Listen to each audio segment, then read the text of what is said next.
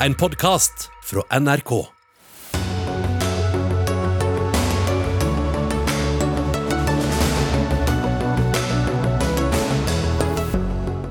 Putins tale i ettermiddag var skremmende, sier en forsker. Fire ukrainske fylker er nå i russisk besittelse.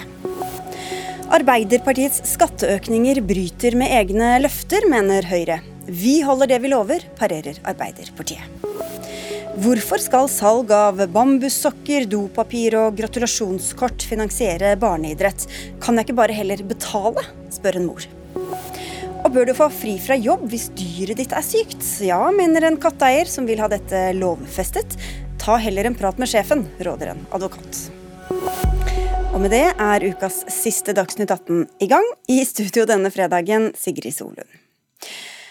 Russlands president Vladimir Putin har altså erklært fire ukrainske områder som russiske. Området tilsvarer rundt 15% av Ukrainas eh, territorium. I talen sin gikk han også til angrep på vestlig kultur, som han kalte løgn, galskap og krig. I kveld skal FNs sikkerhetsråd ha avstemming om en resolusjon som fordømmer de såkalte folkeavstemningene i de russisk okkuperte fylkene i Ukraina. Gro Holm, du er korrespondent og på plass i Moskva og fulgte denne talen. Hva var det viktigste budskapet Putin kom med? Jeg tror jeg ville dele det opp i tre. Eh, for det første så sa han at eh, han gjerne diskuterer fred med Ukraina. Men eh, disse fire fylkene, altså i som fortsatt er ukrainske, det vil fra russisk side bli sett på som russiske fra nå av, og man vil aldri, aldri forhandle eh, om det og trekke det inn i noen fredsforhandlinger. For det andre så signaliserte han jo at eh, Russland står helt i spissen når det gjelder å forsvare verden mot Vestens forsøk på hegemonisk kontroll. og det er da snakker han ikke bare om, eh, om våpen og territoriell kontroll, men også om kulturell og verdimessig eh, kontroll. Eh, og han, han, trakk også fram spesielt dette som kirken her er opptatt av, nemlig eh, kjønnsskifte, som et eksempel på, eh, på hvordan Vesten ødelegger viktige russiske, eller forsøker å ødelegge viktige russiske verdier. Og endelig så, så, eh, er det helt klart at, at Putin eh, gjentok det som han for så vidt har sagt før, at de vil bruke absolutt alle midler til rådighet for å forsvare det som nå er en del av Russland, ifølge, eh, ifølge Putins oppfatning. Dvs. Si også eh, atomvåpen, hvis det skulle bli nødvendig. Det er vel første gang etter at krigen mot Ukraina startet at han var direkte på fjernsyn. Hvordan virket han? Dette er en selvsikker president som talte til et publikum som selvfølgelig var lydhørt. Her var det ingen dissentstemmer som var invitert til storsalen i Kreml for å høre hva han hadde å si i dag. Men det var en selvsikker, en eh, bestemt, eh, helt tydelig maktglad president, men som eh, mener det han sier, det er det ingen tvil om, og som føler at han nærmest driver et korstog, eller at det er hans hellige plikt å forsvare Russland mot vestlig dominans og vestlig hegemoni. Julie Wilhelmsen, seniorforsker ved NUPI, du kaller talen for skremmende. Hva var det som skremte deg? Nei, jeg tror det var eh, den følelsen sikkert veldig mange har, at det nå er en enorm dissonans mellom det han står der og sier, og det som eh, skjer på bakken. Og jeg må innrømme jeg tok meg selv i å sitte og se på de ansiktene i salen som hørte på han, og lurte på hvem av dem som, eh, som egentlig kjøper dette narrativet nå. Eh, og så vet vi jo også at det er Eh, folk som står på grensa og vil ut fra Russland fordi de ikke vil eh, mobiliseres og bli brukt som kanonføde i Ukraina. Så hva var vel det som, er det mest skremmende, det er, det er, forholdet mellom det han sier og de han forsøker å appellere til. Og ellers er jo talen et slags sammensurium av de tingene, de fortellingene Kreml har holdt seg med lenge. Det dreier seg om at Eh, folket har talt, og eh, de har en rett til selvbestemmelse, og nå skal de forenes med Russland. Eh, og mest slående er jo kanskje i hvor stor del av talen som handler om denne nærmest konspirasjonsteorien eh, eh, med USA, egentlig, i, i, sentrum, som en makt som forsøker å eh, kontrollere verden, eh, alle uavhengige eh, stater med alle, eh, alle, typer midler, og Vesten som en, en, en, en løgnaktig, falsk aktør. Og så er det da Russland som på en måte skal stå i, i bresjen Eh, for å sette en stopper for dette neoimperialistiske prosjektet som Vesten da har. Eh, så det er liksom det at man, man, lurer på Man kunne egentlig byttet ut ordet USA med Russland, og så ville talen eh, hørt mer Eh, så, så ville talen høres grei ut for oss, for å si det sånn. Så det sier på en måte noe om også hvor ekstremt forskjellige uh, fortellinger uh, som nå serveres i, Kreml, og som de sitter og hører på. og man lurer på hvor ja, treffer det fremdeles? Hvor, hvor langt inni denne bobla er Føderasjonsrådet, da, som han talte til i dag? Mm. Men Det var altså USA som var den fremste skyteskiven. Tove Bjørgaas, du er korrespondent i Washington. Hva slags reaksjoner er kommet derfra på talen i dag? Jeg har akkurat vært på pressekonferanse her i Kongressen med Nancy Pelosi, lederen i Representantenes hus. Eh, hun skrøt veldig av all den militærhjelpen som de har vedtatt der i det siste, og at de kommer til å fortsette med det. Og Joe Biden han sa allerede i går at det selvfølgelig aldri vil være aktuelt for USA å godkjenne noen form for annektering av land, av ukrainsk land for Russland. Men det er klart at her tar alle ekstremt sterkt avstand fra det som, eh, som, de, som, dere snakker om her. Eh, men det er også selvfølgelig dette verdensbildet som Julie Wilhelmsen er inne på, disse rollene. da. Det er en del av disse tingene jeg tror eh, Biden ikke engang ønsker å kommentere, fordi USA syns det er helt ute på ja, et sted der de ikke ønsker å kommentere det. Han snakker jo til sine egne, og han snakker til verden. Gro Holm, hva slags reaksjoner er kommet fra ukrainsk hold? Ja, Der har president Volodymyr Zelenskyj eh, sagt at han eh, nå leverer eh, søknad om Nato-medlemskap. Og Det er jo en klar reaksjon på det siste utspillet fra Putin.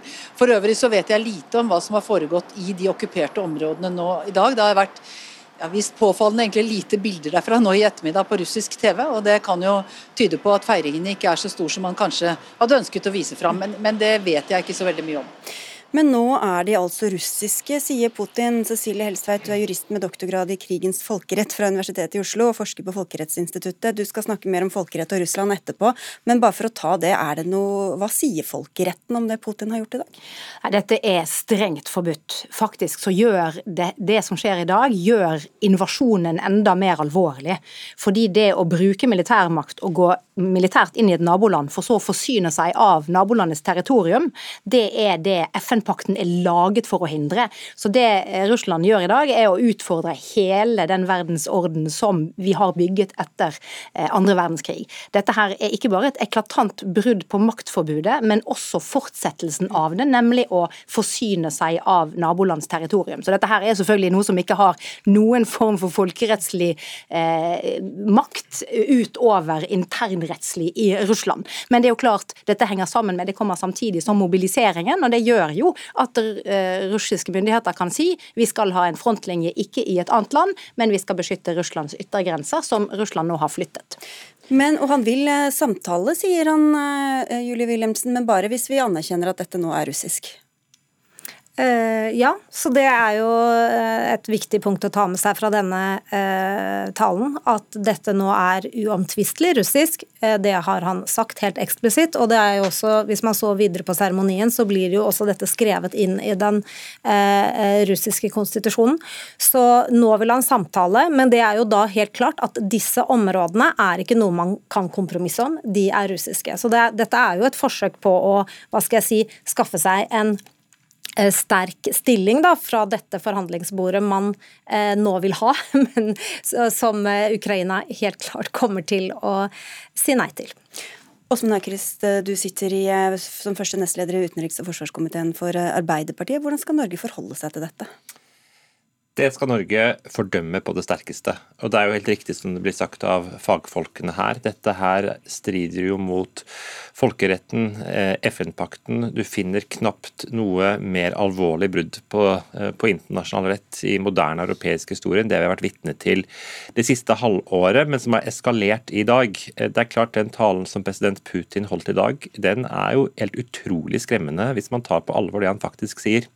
Først har han gjennomført nå helt helt ulovlige folkeavstemninger eh, innenfor et område ukrainsk land eh, under krig. Og nå har han altså tatt fire områder, og som Wilhelmsen sier, han sier nå at dette her er Russland. Og Det setter jo alle de menneskene som bor i disse områdene i en utrolig farlig situasjon. Det er klart Soldater som oppholder seg der nå, de vil jo han hevde at det er inne på russisk territorium. Da kan man jo bare se for seg hvor forferdelig farlig og eskalerende situasjon som nå har oppstått. Så det er klart Dette fordømmer Norge på det aller sterkeste.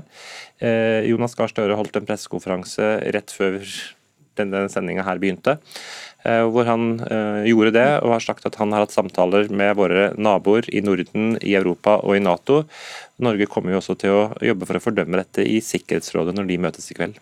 Jens Stoltenberg, Natos generalsekretær, holder også en pressekonferanse akkurat nå og sier at det som har skjedd i dag, er den mest eh, alvorlige opptrappingen siden krigens start.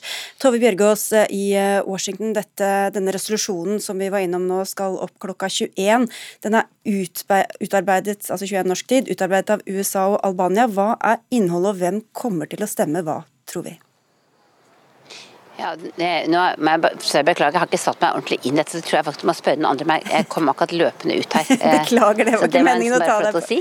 Men, men, det jeg kan fortelle er at Det skal altså være et møte i Sikkerhetsrådet klokka 21 i kveld norsk tid. Eh, og, der, Det er det Russland som har bedt om. og Der skal de både diskutere situasjonen rundt denne gassrørledningen og det som har skjedd i dag. og Der vil debatten utvilsomt bli hard mellom de ulike partene. Men det er altså det eneste rommet der alle sitter samlet. Men vi vet jo at Russland eh, ikke går med på noen ting. Osman Aukrust. Hva er poenget? Nei, Poenget er at det er veldig viktig at de organene i verden som har ansvar for å beskytte sikkerhet og trygghet, samles for å diskutere. FNs sikkerhetsråd er vel kanskje et av de eneste foraene hvor partene sitter sammen ansikt til ansikt. og Det er veldig viktig at Russland får vite av eh, så mange land som mulig at dette her eh, er totalt uakseptabelt og fordømmes på det sterkeste. Og Så blir det jo spennende å se hva en del land som har skilt seg nøytrale, ender opp med å gjøre. For Det er klart at det, det eh, Putin har gjort nå, er jo ikke bare at han angriper Ukraina, han angriper alle internasjonale anerkjente grenser. Og sier at det er akseptabelt å ha folkeavstemninger og si at dette landet, dette, denne, dette fylket eller denne regionen skulle egentlig tilhørt et annet land. Og Når man ser på kartet i verden, så er jo det av og til litt sånn tilfeldige grenser hvordan statene har blitt til. og Jeg tror nok det er mange land som er veldig redd for eh, det som Putin nå har gjort. fordi at, eh, som Det blir sagt her, eh, det viktigste internasjonal rett det er jo respekten for hverandres grenser. og Det er det Putin nå utfordrer med den talen han holdt i dag. Ja, nei, Jeg eh, syns det er eh, en, eh, et veldig viktig moment å få med seg her. For det hvis man skal se på hvem som på en måte har vært hva skal jeg si, Putins allierte, så har det jo vært land som Kina og India eh, fram til eh, et visst punkt, og, og, land i det vi kan kalle det, det globale sør. Men det er spennende å se hva Kina gjør nå. for de har allerede eh, for kort tid siden, da det begynte å gå dårligere for eh, Russland i Ukraina, uttrykt en viss uro over at den måten dere håndterer Ukraina-spørsmålet på nå, den er ikke vår inter interesse. Og det er klart at det har vært, det har på en måte Kina og Russland stått sammen om i mange mange år, nemlig klagemål over USAs eh, alenegang i verden, og eh, ikke minst klagemålet over at USA ikke blander seg inn i uavhengige staters interne eh, anliggender. Mens nå undergraver jo på en måte Russland med sine eh, handlinger hele eh, eh denne saken. Um, så da, da, er spørsmålet vil eh, Kina fortsette å på en måte stå Russland bi, eh, og enten la være å nedlegge veto eller, eller la være å stemme. Og det, en annen sak her er jo at Kinas store interesse, er jo, og som de har tjent seg rike på, i likhet med store land som India, har jo vært den globale økonomien. Og dette hasardiøse prosjektet på en måte ødelegger jo hele dette systemet. Jeg tror at eh, Russland, Da Russland annekterte Krim i sin tid, så var avstemningen i generalforsamlingen noe som gjorde at de vestlige landene var veldig sterke i fordømmelsen, men det var en del land i den tredje verden som, som stemte mot, fordi dette handlet, eller som stemte med Russland. Og Russland har nok hatt en plan om at disse folkeavstemningene skulle bli avholdt før generalforsamlingen, og at man skulle ha mer støtte. Men det som har skjedd den siste måneden med den uh, ukrainske offensiven, har sabotert det. Og nå tror jeg nok det blir veldig mye vanskeligere for Russland Russland å få støtte, også i den tredje verden, selv om talen i dag helt klart så ut til å være en oppfordring til land i den tredje verden. Det er klart, det, Putin har jo tapt på veldig mange fronter. Han har overvurdert sin egen styrke i Ukraina, eh, og ukrainerne har jo slått tilbake og vunnet tilbake mange områder. Det han nok nå prøver å gjøre, som han gjør både med talen sin i dag, men vi ser hvordan han også bruker energi, er jo å prøve å splitte det europeiske og internasjonale samholdet. Derfor så er det jo så utrolig viktig at vi nå fortsetter å støtte ukrainernes sak. Tusenvis av mennesker er allerede drept. Eh, millioner av mennesker eh, lever i en veldig farlig situasjon. og Regjeringa har jo sagt at vi både skal støtte Ukraina politisk, humanitært, men i dag har vi også foreslått for Stortinget å bevilge 3 milliarder kroner til innkjøp av militære Eh, av militært virkemidler, det er jo veldig viktig for at Russland, nei, for Ukraina skal fortsette å frie sine områder, som de selvfølgelig har rett på i forhold til internasjonal rett. Til slutt til deg, Groholm, som vi var innom her. Det var veldig stor kritikk av vestlig levesett og verdier. Hvordan går det hjem hos det russiske folk, tror du? Jeg tror det går eh, vel hjem hos de eldre, en del av de eldre. Men jeg tror det har veldig lite gehør i den yngre delen av befolkningen.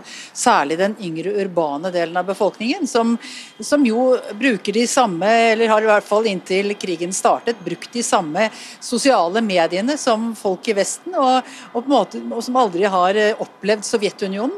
Eh, og, og, der tror jeg har, den type appeller har veldig, veldig lite å si. Men det er jo på en måte det eneste som Russland har som en fast del av sin identitet nå, det er dette med de tradisjonelle verdiene, eh, og da gjerne med opphav i de tradisjonelle religionene, og ikke da bare den ortodokse kirken. Putin passer veldig vel på å ikke bare vise til den ortodokse kirken, han viser i dag også til buddhismen, til jødedommen, og sa at Russland er den fremste garantisten for deres, eh, for deres frihet.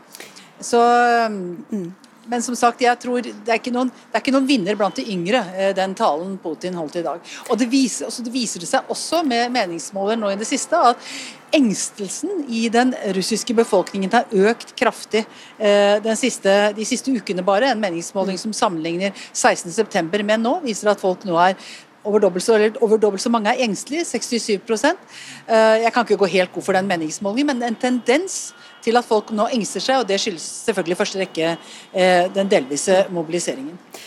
Om snaue tre timer er det altså avstemmingen, eller i hvert fall kommer saken opp i Sikkerhetsrådet. Vi skal snakke mer om og trusler, Russland og trusler og om folkerett. Cecilie Helsveit blir sittende. Tusen takk til dere andre, Julie Wilhelmsen, Åsmund Aukrust eh, og Tove Bjørgaas og Gro Holm.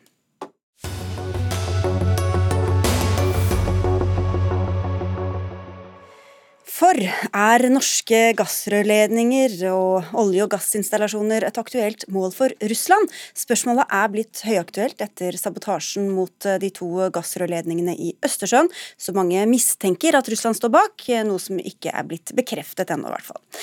Hvor tydelig er internasjonale regler når det gjelder hva som utløser hvilke reaksjoner? Cecilie Helstveit sitter her, men vi er også med Geir Ulfsen, professor, Ulfstein, professor emeritus i folkerett ved Universitetet i Oslo.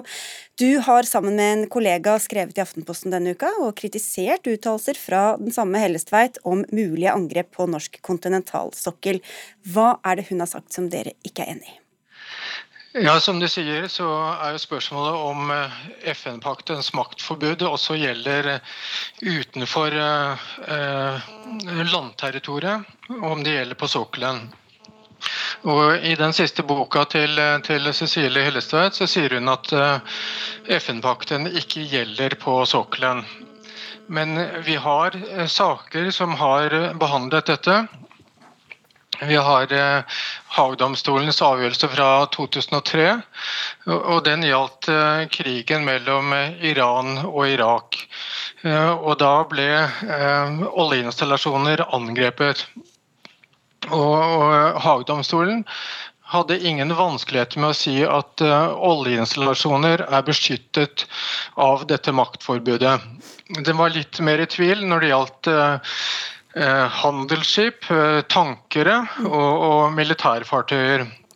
Men når det gjaldt oljeinstallasjoner, så var den helt klar på at det omfattes av maktforbudet. Gjør den det, Cecilie Helseth? Ja, her leser nok jeg og Geir Ulfstein eh, Haag-domstolen litt ulikt. Eh, dette var brudd på en vennskapsavtale mellom Iran og USA. Det var USA som angrep iranske oljeplattformer med fly, bombefly og eh, fartøyer, krigsfartøy. Og det er klart, Jeg har skrevet en bok som ikke handler om folkerett i utgangspunktet, men jeg har sagt at reglene som beskytter Norge, eh, de internasjonale reglene, de fungerer annerledes utenfor territorial farvannet, altså på sokkelen, enn på suverent norsk territorium. Eh, jeg har ikke sagt at dersom f.eks. Russland skulle angripe en norsk oljeplattform i Nordsjøen med, med bombefly og krigsfartøy, slik for så vidt amerikanerne gjorde i Persiagulfen eh, på 80-tallet, så vil ikke det utløse norsk rett til selvforsvar under FN-pakten. Åpenbart vil det det. Det vil også utløse Nato-paktens artikkel 5, altså kollektiv beskyttelse.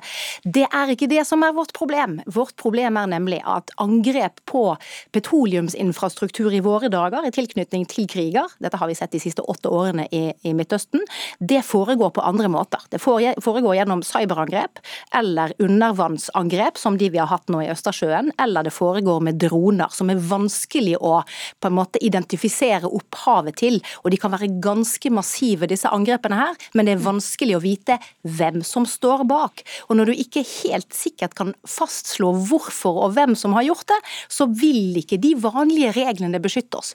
Og i og med at det ligger utenfor vårt suverene territorium, så kan vi ikke behandle sokkelen som om den var vårt suverene territorium. Ulstein.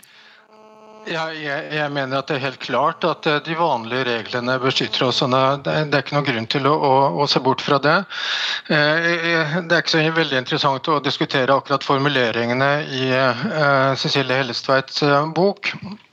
Men, men, eh, det som er eh, viktig når det gjelder denne saken fra 2003, er jo at Haag-domstolen brukte og, og tolket FN-pakten. Det er riktig at det var en vennskapsavtale mellom USA og Iran som det gjaldt. Men eh, domstolen tok uttrykkelig stilling til hva innholdet i FN-pakten var. Men hvis du, da, hvis du, ser for deg et cyberangrep mot eh, Equinor, vil det da regnes som et angrep på Norge? Ja, Det har vært eh, diskutert om, eh, om eh, cyberangrep og, og, hvilke former for cyberangrep som kan tenkes å være i strid med maktforbudet og som utløser en rett til selvforsvar. Men, men, i denne sammenhengen så, så, er det ødeleggelse av eh, rørledninger som, som eh, vel er litt forskjellige fra uh, cyberangrep. Og, og, det at uh, angrepet skjer, skjer, under vann, som uh, Cecilie Hellesveit viser til, kan jeg ikke se gjør, gjør noen forskjell. Jeg er helt enig om at dette handler om innenfor og utenfor territorialfarvannet. Eh, ikke i forhold til hvorvidt selvforsvar utløses, men i forhold til hva slags tiltak man kan foreta seg, og hvordan man kan på en måte sikre seg mot økte trusler. For vi, det er et økt trusselnivå mot norsk infrastruktur som følge av krigen og på en måte effektene av det. Eh, disse angrepene i Østersjøen skjedde akkurat akkurat på utsiden av dansk territorialgrense i, eh, til, til sjøs. Og det er ikke tilfeldig, fordi da blir det mye større spørsmål ved hvem er det som egentlig er den riktige vedkommende til å reagere, og er de eventuelt enige om hvordan man skal gjøre det, og hva slags verktøy har man til rådighet når man ikke helt sikkert kan fastslå eh, hvem som har gjort det. Så i en hybrid virkelighet, altså i en, i, en, eh, i en, samtid med hybride virkemidler, så er det mye vanskeligere å på en måte bruke de klassiske beskyttelsesmekanismene som Norge har hatt, og som har beskyttet oss godt, både under den kalde krigen og de siste 30 årene. Men nå er vi på vei inn i en ny tid som blir veldig mye mer krevende, fordi folkeretten ikke har de eh, samme på en måte mekanismene mot den type hybride angrep som, som, som vi står overfor, f.eks. nå i Østersjøen. Er du enig, Ulstein? Nei, jeg er helt eh, uenig. Eh, det at det er et angrep under vann, det, det innebærer ingen forskjell når det gjelder hvilke tiltak man kan svare med. Så her er det de, de, de, de generelle reglene om selvforsvar som, som gjelder. Men ikke men, under vann, men at det er på det, det området? Altså det fysiske altså territorialgrensen. Ja. Norge har suverenitet eh, tolv eh, nautiske mil utenfor vår, vår, kyst. Det er norsk suverent territorium. Der kan vi gjøre hva, veldig, veldig mye som vi ikke kan gjøre på utsiden. Eh, og Store deler av sokkelen vår den ligger i økonomisk sone. Der har Norge eksklusiv rett til å utvinne naturressurser, men det er ikke suverent eh, norsk territorium. Og Det gjør at det er litt andre regler regler. Vi har fortsatt selvforsvarsrett når vi blir angrepet, men vi kan ikke på en måte behandle sokkelen som om den var norsk suverent territorium. Men det, det, det er helt uh, feil. Det, det, er riktig som uh, Cecilie Helstveit sier, at vi ikke har suverenitet. Vi har suverene rettigheter over uh, sokkelen. Men, men poenget i denne sammenhengen er at Haagdomstolen sa at det gjør ikke noe forskjell når det er angrep på oljeinstallasjoner. Sånn at, eh, at eh, Norge eller andre land som har eh, angrepet, blir angrepet, har akkurat samme rett til selvforsvar. Det er akkurat de samme reglene som, som utløser. Men så eh, oppstår de mer generelle spørsmålene. Om, om, kan man bevise hvem som står bak. Eh, og Det sier eh, domstolen i den samme saken, at det er den som vil bruke retten til selvforsvar, som har bevisbyrden for hvem som står bak, og altså hvem man kan, i tilfelle kan angripe. Dette har vi sett eh, flere ganger de siste årene med eh, angrep på et petroleumsinfrastruktur i tilknytning til kriger. Da er det ofte to eller tre land som er angrepet, og der er det stor uenighet om hvordan man skal svare. Blant annet ble jo norsk, to norske tankere angrepet, og da var det jo ikke alltid enighet enighet eh, blant de på en måte interesserte statene om hvordan man skulle reagere. Så Det er også en tilleggsdimensjon her. Ja, for hvis en rød gassledning går gjerne gjennom eh, fra, fra, et land til et annet, begge eier den, så da må de bli enige, da? De, eller hva skjer da? Ja, det, det, det, må man. Og det gjør at denne type angrep, som er sånn, såkalte hybride angrep, som utøves fra stater, det foregår ofte nettopp nettopp på utsiden av der du har veldig klare regler. Og Det er derfor på en måte territorialgrensen til Danmark eh, ble unngått her, fordi da hadde det vært et dansk anliggende. Men når du er på utsiden, så er det mye større spørsmål om hva dette er. Og I tillegg så er det selvfølgelig russisk gass som har gått gjennom denne rørledningen her. og Det gjør jo at Russland nå i dag kan si at ja, vi kan godt snakke om denne anneksjonen, men vi må også snakke om dette gassangrepet, som jo Russland kan hevde har vært på en måte mot russiske interesser. Veldig kort til, til slutt her, Ulstein. Ja, det, det, er en problemstilling til. og det er... Vi kan ikke ha en ny problemstilling. Nei, ja, nei, nei det, det, er en tilknytning til det samme. Eh, at det er en nedre grense for, for, retten til selvforsvar. Det må være et forholdsvis omfattende angrep mm. for at man skal ha rett til selvforsvar. Og Det kan være også en spørsmålsstilling her. Det var, kunne vi diskutert lenge. Vi skal forlate vi dette. det var godt. Litt enighet på tampen. Vi skal forlate temaet i denne runden. Vi kommer tilbake til eh, forholdene rundt Russland og Norge eh, mot slutten av Dagsnytt 18. Da skal vi diskutere hvilke muligheter russere skal ha til å komme seg inn i Norge. Takk skal dere ha begge to, Cecilie Hellestveit og Geir Ulfstein.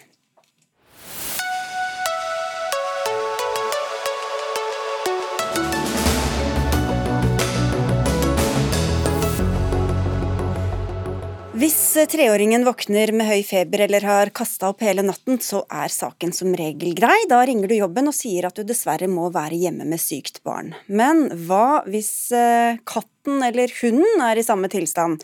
Den samme retten bør gjelde da, skriver, sier du Jeanette Bajar Burås til Ringerikes Blad.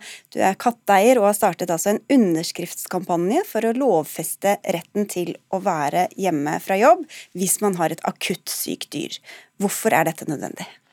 Eh, jeg føler at dette er veldig nødvendig med tanke på de som eh, sliter med å få fri. Hvis det er en akutt sykdom eller en skade som har skjedd, så må man jo få det dyret til veterinæren. Og det å få ugyldig fravær eller skriftlig advarsel, det er jo ikke akkurat uh, noe moro i sånne tilfeller. Hva var det som fikk deg til å ta opp dette? Jeg har jo jobbet på dyreklinikk et par år, og det var jo folk som ringte inn og trengte time på kveld eller i helgen på ting som egentlig var ganske akutte. Um, og hadde ikke mulighet til å gå fra jobb.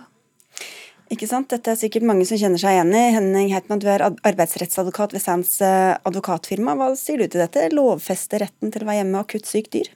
Det er veldig mange behov i samfunnet som man ønsker fri til. Og jeg tror dette kommer litt ned på listen over hva som blir lovfestet, rett og slett. De behovene som arbeidsgiver må tilpasse virksomheten for, er eh, gjengitt i arbeidsmiljølovens kapittel 12, og det er veldig spesifikke behov som er opplistet der, bl.a. dette med å få barn. Eh, og utdanningspermisjon er den siste permisjonen som har kommet inn i loven. Du får også fri ved militærtjeneste og den type ting. Men dette er eh, et behov som nok kommer langt ned på listen over hva som er aktuelt å lovfeste. Må huske på at Hvis man skal lovfeste noe, så vil det gjelde for alle virksomheter i hele landet. Alle arbeidsgivere må ta hensyn til dette. Og Det er stor forskjell på selskaper og virksomheter, og i hvilken grad de kan tilpasse, også i forhold til det enkelte arbeidsforhold. Så um, jeg tror det ligger veldig langt fram. Jeg tror man må snakke om dette på mm. bedriften. og avtale løsninger. Da. Ja, hvorfor trenger man en formalisering i stedet for å bare gå og snakke med sjefen og håpe på forståelse? Altså, Det er jo ikke alle arbeidsgivere som har forståelse, og da får du jo ikke fri. Og, eller du får jo problemer for å ta fri hvis du gjør det.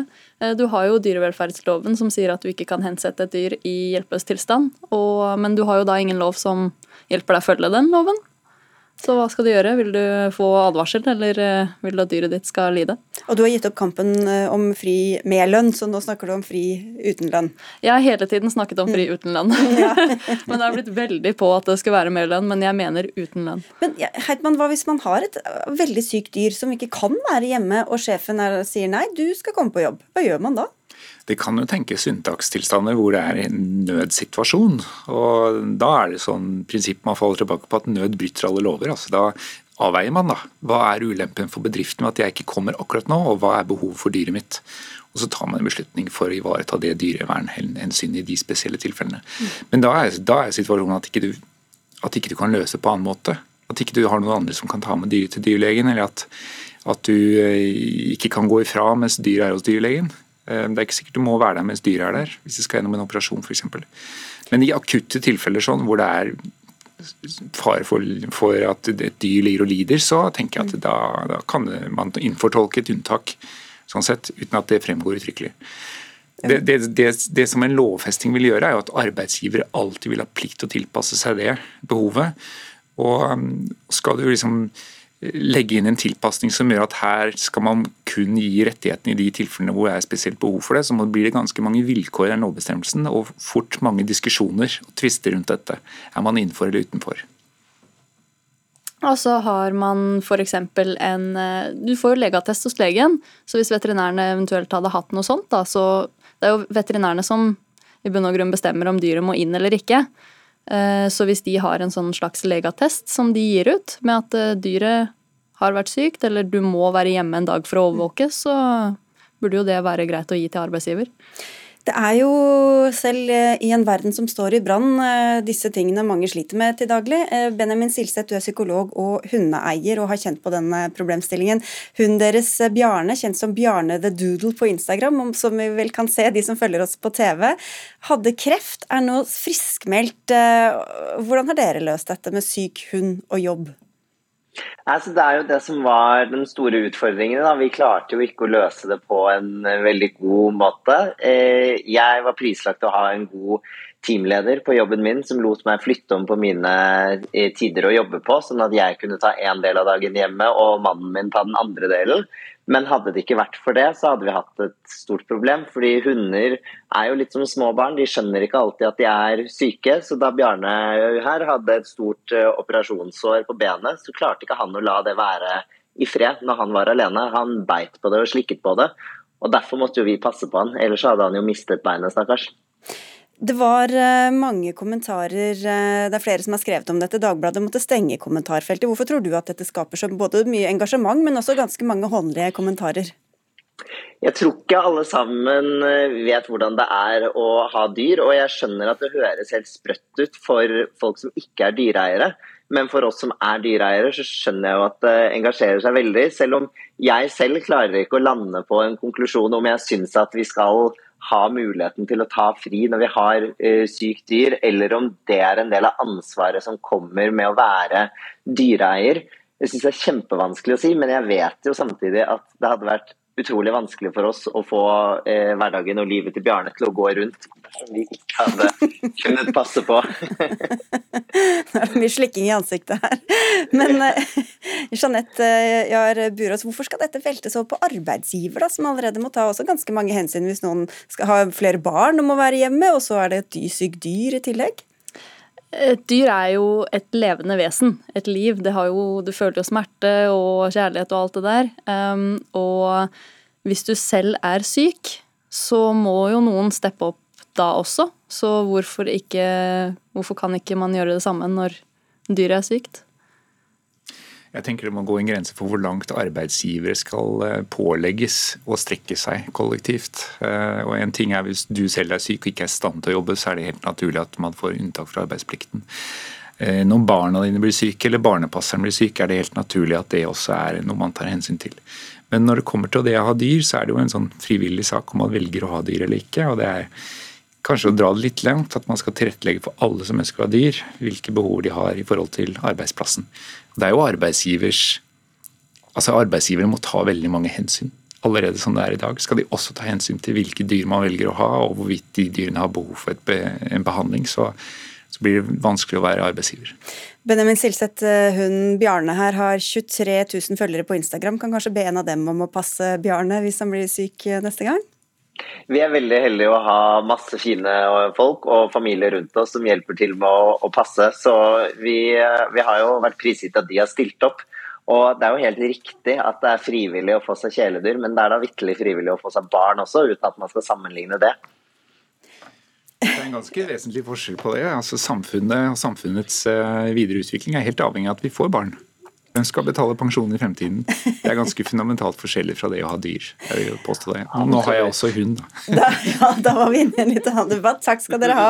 Tror vi setter strek der. Eh, Jeanette Burås, katteeier, som startet denne underskriftskampanjen. Henning Heitmann, som er altså arbeidsrettsadvokat i Sands eh, advokatfirma. Og Benjamin Silseth, psykolog og hundeeier. Og nå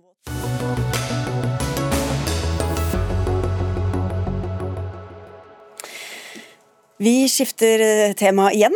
Arbeiderpartiet blir beskyldt for å bryte skatteløftet sitt til velgerne, etter at regjeringa denne uka foreslo å innføre grunnrenteskatt for kraftsektoren og oppdrettsnæringen. Og det kommer i tillegg til at formuesskatten ble plusset på tidligere. Heidi Nordby Lunde, du er medlem av finanskomiteen på Stortinget for Høyre. Og dere sier til Aftenposten at Arbeiderpartiet bryter egne løfter. Men hvis vi ser på det løftet de ga, så var jo det å holde det samlede skatte- og avgiftsnivået for folks inntekter uendret. Så hva er løftebruddet? Altså, de sa nok noe mer enn det, fordi de, de, lovet å holde det samlede skattetrykket uendret generelt. Og så sa de at det gjaldt eksisterende skatter og avgifter. Men nå har de en eh, snedig liten tvist, men at det gjaldt eksisterende skatter og avgifter. Og så finner de på nye med da omlegging av kraftskatt og innføring av havbruksskatt. Så er det litt sånn eh, Arbeiderpartiets løftebrudd overfor egne velgere, skal ikke jeg legge meg opp til. Men det vil jo si at siden eh, valget i fjor, så har regjeringen regjeringen økt skattene med 42,3 milliarder kroner, noe som er mer enn det Rødt foreslo i sitt alternative statsbudsjett. Og det, og det er før forhandlinger med, med SV. Og så er jo vår bekymring at eh, økonomien allerede er i eh, høygir. Eh, både bedrifter og folk flest opplever både økt pris, øke, økt rente, og at det spiller jo ingen rolle for norsk økonomi om det er en oljekrone eller en skattekrone som brukes i økonomien. Så dette her kan føre oss inn i en ond spiral av økte renter, økt inflasjon, dersom ikke vi samtidig drar inn på statsbudsjettet. Vi skal komme litt til det samla skattetrykket og utgiftspostene, men for å ta dette med løftet først, Hadia Tajik, du sitter på Stortinget for Arbeiderpartiet. Arbeiderpartiet. Bryter dere egne løfter? Nei, vi holder det. Og Høyre eh, gjengir skatteløftet vårt feil. Vi har ikke gitt et løfte knytta til det generelle skattenivået. Vi har vært veldig tydelige på at det handler om skattenivået for folks inntekter, og at man skal omfordele innenfor det. Så løftet var veldig enkelt, og det handla om omfordeling. Inntektene over 750 000 kroner de må regne med å skatte mer. Inntektene under det må regne med at de skatter mindre. Eh, mens folk som har høye formuer, de må regne med å skatte mer. Og det er et løfte løfte som har holdt. Mens Høyre på sin side de har egentlig bare lovt å kutte skattene. Vi vet ikke hvilke, vi vet ikke hvor mye, vi vet ikke hvem som skal betale for det. Og i en tid der det er ganske store investeringer som må til i folks velferd for å sikre at, eh, at man har en god skole, et eh, trygt helsevesen, at man har infrastruktur og gode rammevilkår for næringslivet, sånn at man kan skape flere verdier. Da er det òg viktig å hente penger til å kunne finansiere dette. Og Høyre spiller ikke med åpne kort på hvor de har tenkt å hente disse pengene ifra. Men bare for eh, Et litt kort svar, Heidi Nublinde. Mener dere at det er mindre rom og mindre grunnlag for lavere skatter enn det var for et år siden nå? Men eh, det er jo ikke sånn at den norske stat er fattig. Eh, tvert imot så viser jo skatteinngangen nå at Så mot... svaret på det er egentlig nei? At det er det samme behovet altså, Skattebehovet samme, er det samme ja, nå som for et år siden? Ja, Arbeiderpartiet og regjeringen økte jo i går skattetrykket for, i fjor skattetrykket for de som på både formuesskatt og utbytteskatt, som jo blir en, en dobbel straff for de som investerer i norske arbeidsplasser og norske eiere. Og eh, så er det jo slik at Vi hadde en god skole og vi hadde trygt helsevesen også under Solberg-styret. Og vi klarte altså å redusere skatter og avgifter for folk flest og norske bedrifter.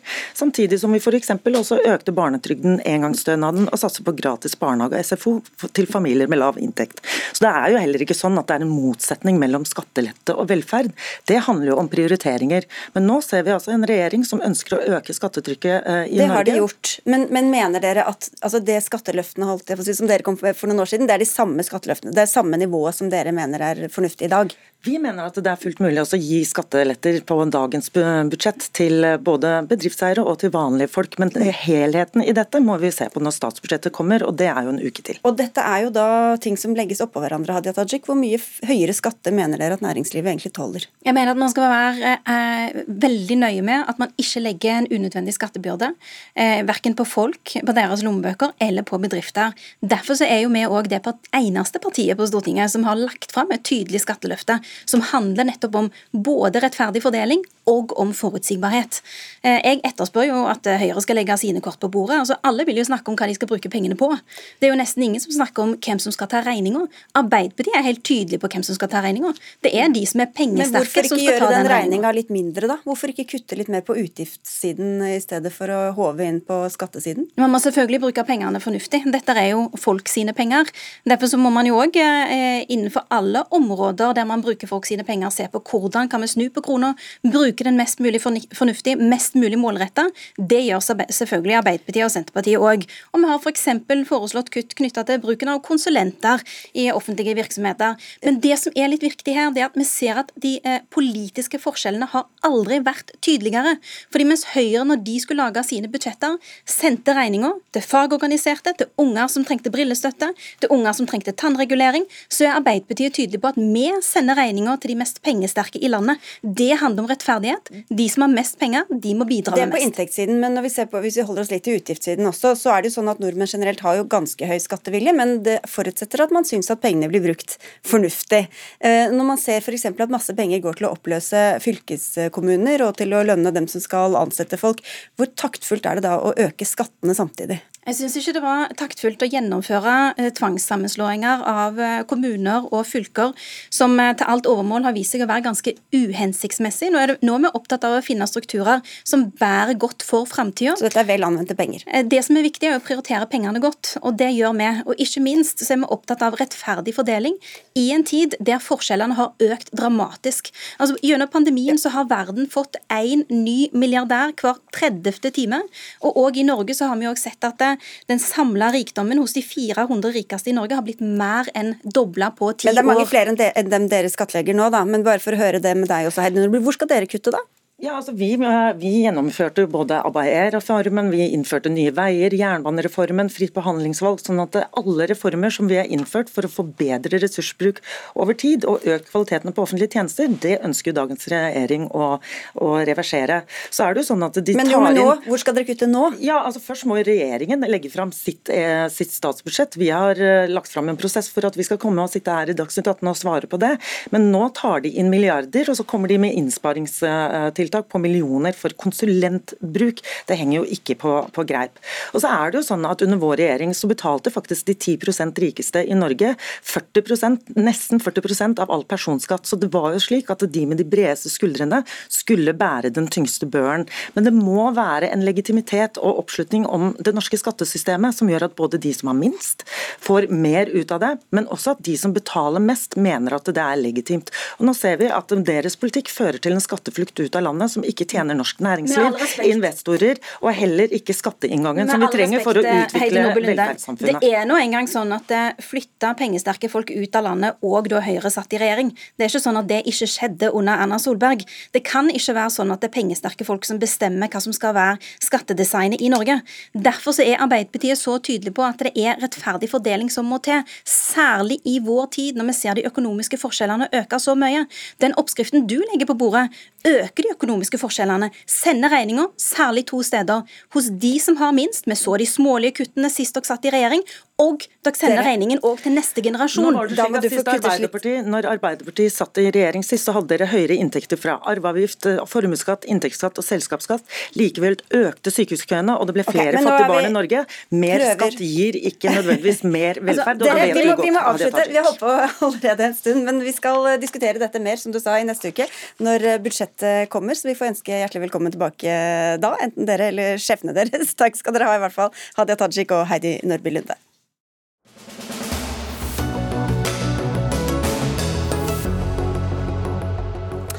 Boden er full av dopapir, garasjen full av spylevæske, bambussokker, gratulasjonskort og kaker pushes på venner, kollegaer og familiemedlemmer.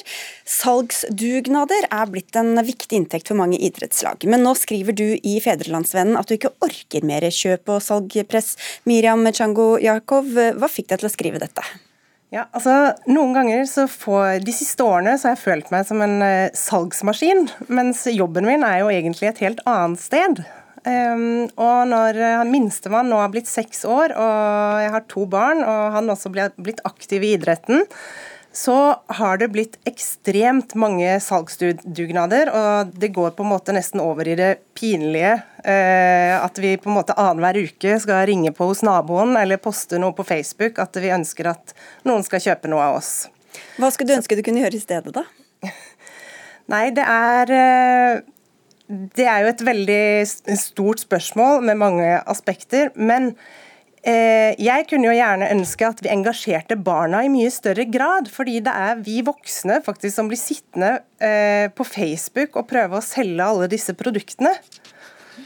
Og så spør du hvorfor kan jeg ikke bare få betale i stedet for å ja, sitte altså igjen med alt dette? Det som fikk eh, glasset mitt til å velte, da, om jeg kan si det sånn, det var at forrige uke så sendte jeg først til én klubb som ønsket at vi skulle sende, selge tennpinner, eller briketter. Så spurte jeg kan jeg bare få en faktura tilsvarende det beløpet som dere ville tjene. Eh, og jeg fikk til svar at eh, nei, det var ikke mulig. Da trengte jeg ikke å delta i dugnaden. Og jeg sendte en e-post til en annen klubb eh, og spurte kan du, dere bare gi meg et beløp så jeg kan sette over penger tilsvarende det dere ville tjene. Og svaret var likt der. Den typen betaling praktiserer vi ikke. Mm. Ja. Stian Slåttre Johnsen, du er generalsekretær i Frivillighet Norge. Hvorfor kan man ikke bare sette over 500 kroner i stedet for å holde på med alt dette salget?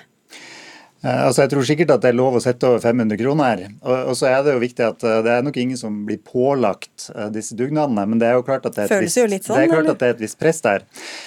Så kjenner jo ikke jeg disse klubbene, men jeg kan jo prøve å ta deres perspektiv. Og jeg tenker at det er i hvert fall to ting dette handler om. Det ene er jo at de driver Eh, en aktivitet som de ønsker å gjøre best mulig, og det er kostnader til anlegg, til utstyr, til trenere osv. Eh, og det må betales, og så vil man prøve å holde kostnadsnivået nede. Eh, og Da trenger man også engasjementet fra foreldre for å, for å skaffe inntekter.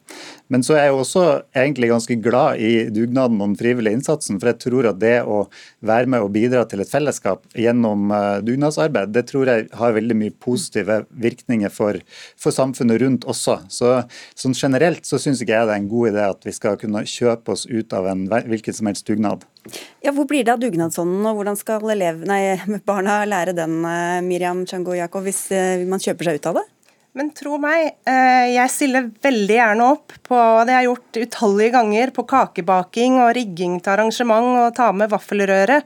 Men det at eh, vi blir påtvunget eh, å kjøpe produkter som en tredjepart skal tjene på, som klubbene egentlig sitter igjen med smuler av, det, det forstår jeg ikke logikken i. rett og slett. Det er blitt big business det her, Johnsen. Hvem er det som tjener mest på alt dette overprisede toalettpapiret?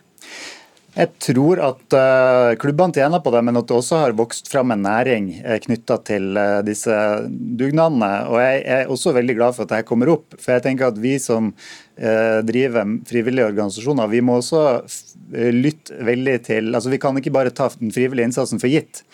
Eh, og jeg ser flere utfordringer med denne typen salgsdugnader. Eh, så jeg syns jo at det er viktig, en viktig diskusjon som jeg håper at klubbene også er villige til å ta. Fordi vi kan ikke bare forutsette at alt det samme passer for alle. Men, men hvis, man, hvis, det er forventet av foreldrene, enten om de skal selge ting eh, og gå og banke på, eller om man skal stå vakt i haller en hel lørdag eller steke vafler en hel kveld, hvorfor skal egentlig barnas deltakelse på idrett være avhengig av at foreldrene har tid og mulighet til å stille opp? Eh, det er jo sånn at i et Eh, idrettslag eller en, eh, en, annen fritidsaktivitet som drives av en frivillig organisasjon, så er man ikke en kunde som kjøper et produkt. Man er en, en deltaker som er med på å faktisk eh, skape en aktivitet. Og det har, en, det har en egen verdi. Det betyr at folk får mye mer eierskap til aktiviteten. Og det betyr også at man blir kjent med folk i lokalmiljøet. Og I tillegg til det så er det jo dette med prisene. At vi ønsker jo at alle skal kunne delta. Da må vi holde kostnadene nede. Men jeg tenker at det er flere ting som vi må gjøre for å få til det. Altså, sånn at ikke vi eh, skviser den dugnadssitronen for hardt. Da, for det tror jeg kan være et problem på sikt.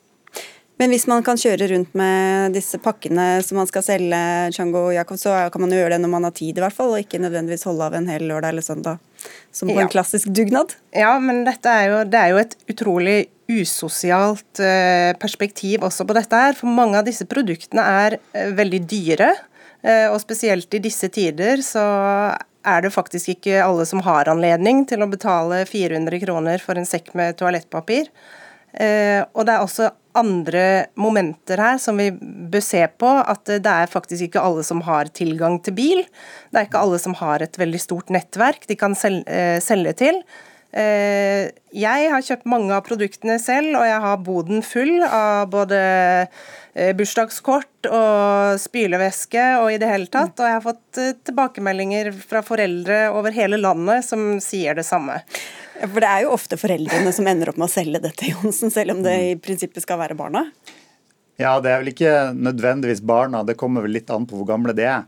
Eh, om man sender det rundt med lister til naboer osv. Men eh, jeg er veldig enig i dette med det sosiale aspektet her. Og at eh, hvis det her i praksis blir en ekstra avgift på deltakelsen, så er det også ekskluderende. Så jeg tenker at her må vi ha flere verktøy for å sørge for at alle kan være med. Fordi det offentlige Eh, kan heller ikke bare stå og se på at eh, kostnadene blir så dyre at mange blir ekskludert. Vi får sette strek der og si tusen takk til dere begge som var med hos oss, i hvert fall. Stian Slatterøy Johnsen, generalsekretær i Frivillighet Norge, og eh, kronikkforfatter i Fedrelandsvennen Miriam Chango Jakov. Takk.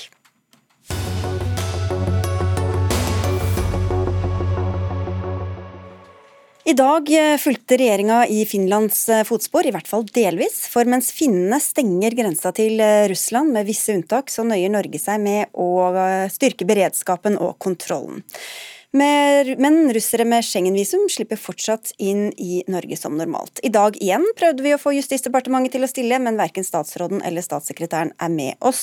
Og apropos det, Maja Sojtaric, du er kommentator i Nordlys. Du skriver at det er oppstått et kommunikasjonsvakuum som er ubehagelig for folk i nord. Hvem er det som ikke kommuniserer hva? Altså, jeg skrev jo tidligere i denne uka en kommentar hvor jeg uh, sa at uh, folk i Sør-Varanger gjør en del sikker sikkerhetspolitikk på dugnad for Norge nå. Uh, og med det tenkte jeg at det var underkommunisert at disse unge russiske menn som var i um, stridsdyktig alder, kom til um, over grensa til Storskog. og Folk bare plutselig var overlatt på en måte til seg sjøl i Kirkenes når gatene ble fylt med disse unge mennene som trengte kanskje bistand til å komme seg videre, eller trengte hjelp med innkvartering. Og Da hadde jo folk der opplevd at det ikke ble så godt sett, og det kom jo veldig lite kommunikasjon fra sentrale myndigheter om hva, hva slags rolle de skulle ta i Øst-Finnmark. Sivilbefolkninga der blir jo bare færre og færre mennesker, eh, og det er en stor byrde og et stort ansvar eh, i særlig krevende tid. Evgenia Korolseva, du representerer en russisk forening i Norge som kalles Morodina for demokrati i Russland. Det er jo noen som krever at grensa skal eh, stenges. Vi vet ikke helt hvem som kommer eller hvor mange, men du sier at stenging det må være siste utvei. Hvorfor det? Vel ja, altså Norsk-russisk foreningsområdene ja. for demokrati i Russland, riktignok. Eh, ja, vi har levert et brev, henvendelse til norske myndigheter for en uke siden, der hvor vi ber eh, å holde grensa åpen egentlig, så lenge som mulig. Fordi uh, vi ser at det er mange, men altså det er flere, men det er ikke sånn supermange som prøver å komme seg ut av Russland fortsatt. Det er veldig mange som har passert grensen til Kasakhstan og Georgia. Det er snakk om flere hundre tusen mennesker, egentlig. Eh, samtidig så har vi jo felles grense med Norge. Og de som har dokumentene i takt, de som har Schengen-visum, eh, har nok vurdert eh, den veien også, for å komme seg litt ut. Og vi ser også det er veldig mange som er på vei ut videre. Til Sverige, til Armenia, så vidt jeg husker, og Tyskland spesielt, og USA. Du er jo selv sterkt kritisk til Putins eh, regime, bare for å slå fast eh, det. Men hva, hva, tenker du om at det kanskje kan komme folk som er lojale til ham, som ikke vil eh, oss vel? Altså jeg tenker at uh, Vi kan selvfølgelig sitte og diskutere hva slags folk som prøver å komme seg over grensen, men det vi ser at det er jo ganske ressurssterke mennesker. Uh, de har veldig forskjellig bakgrunn. Noen av dem, altså Det er alt fra journalister til studenter uh, til IT-ansatte. men det finnes også noen som har kanskje skrapa det siste til flybilletten eller bussbilletten. Eh, jeg tenker det eh, egentlig gir litt lite mening å diskutere noe særlig over hva slags bakgrunn de har. Eh, det er nok at de har lyst til å leve, de ikke har lyst til å bli sendt som kanonføde. De forstår nok ganske godt at de, det er kanonføde det er snakk om hvis de havner i Ukraina. Det er et angrepskrig, det er illegitim krig de eventuelt skal være med på, og de sier nei til det. Jeg tenker det er ganske menneskelig og ganske legitimt ønske. Hvordan blir det mottatt, Sojtaric, med åpne armer eller skepsis? Så folk i Finnmark er jo vant til å uh, gjøre en dugnad og gjøre en jobb for uh, andre mennesker og har et ganske humanitært sinnelag. Så, så vidt jeg har jo sett uh, gjennom mine kilder og folk jeg har snakka med, og også det jeg følger med på, ser jeg at folk gjør sitt beste for å innkvartere disse menneskene. de gjør sitt beste for å hjelpe dem videre på vei. når det er sagt, så er det jo ikke det her vurderinger som sivilsamfunnet i Øst-Finnmark skal være nødt til å ta alene. Eh, og det var jo også, som noen etterlyste, det hadde vært litt fint å bare sende en statssekretær om så oppover for å snakke litt med folk og se, legge øret tilbake bakken og se hvordan det er eh, der oppe. Nå er det riktignok sånn at det er faktisk ikke så veldig mange som er kommet over grensa, men når Finland stenger sin veldig veldig lange grense, eh, så vil det bli en mye større eller potensielt kunne bli mye større trykk på også norske grenser. Eh, og Derfor er det jo også for så vidt betryggende at eh, norske myndigheter nå har økt beredskapen der. Du etterlyser også en tydelig visjon fra norske myndigheter? Ja, absolutt. Veldig gjerne. Jeg, eh, vi skulle gjerne sett et politisk debatt eller diskusjon eller uttalelser. Vi har prøvd. Fra, ja, fra, gjerne fra flere politiske partier og, og på Stortinget for den saks skyld. fordi uh, jeg tenker sånn Tiden er ikke på vår side, det er ikke noe vits å sitte og vente, uh, egentlig. Og man, vi må begynne å snakke om det. Ja, det kan oppstå um, flere tusen plutselig som står på grensen, og hva skal man gjøre da? Og da blir det litt for seint, og så blir det spisesteiler, fronter osv. Så, videre. mm. så det er bedre å begynne nå, egentlig, å diskutere fordi uh, man prøver å komme seg ut. Og jeg tenker sånn at det å flukte er en måte å unngå uh, kriminell krig som har utspilt seg i Ukraina siste halvåret. Det er jo veldig mange fortsatt som prøver å gå i dekning internt i Russland. og Da snakker vi spesielt om unge, unge gutter og unge menn. For å bli mobilisert, for å unngå å bli mobilisert. Man dukker ikke opp på disse mobiliseringsstasjoner. Man jeg vet ikke, sykmelder seg, man betaler bestikkelser for å Det er mange måter å gjøre det på. Man tjener på militære innsamlingspunkter, saboterer mobiliseringsprosess osv. Alle disse tingene i hopp de bidrar jo uh, egentlig til noe bedre, tenker jeg. Mm. Også for Ukraina sin del. Så det å flykte er én en måte å unngå den militære mobiliseringen som er satt i gang, som egentlig er eh, krigsforbrytelse. Skjønner du ukrainske flyktninger i Norge som kanskje syns det virker skummelt at det skal komme russere over grensa? Selvfølgelig, jeg skjønner det veldig godt. Det er mange følelser, og jeg er veldig ydmyk for hva ukrainske flyktninger måtte føle til enhver tid. Det er helt med på det. Men uh, det finnes også folk på andre side, og de vil ikke nødvendigvis drepe Ukraina. altså. Takk skal du ha, Eugenia Karolseva fra Smorodina for demokrati i Russland. Og takk til deg, Maja Svetaric, kommentator i Nordlys. Det var siste ord i Dagsnytt 18 denne uka. Anne Katrine Førli hadde ansvaret for sendingene. Lisbeth Sellreite hadde tekniske ansvaret. Mitt navn er Sigrid Solund, og vi ønsker en riktig fin helg.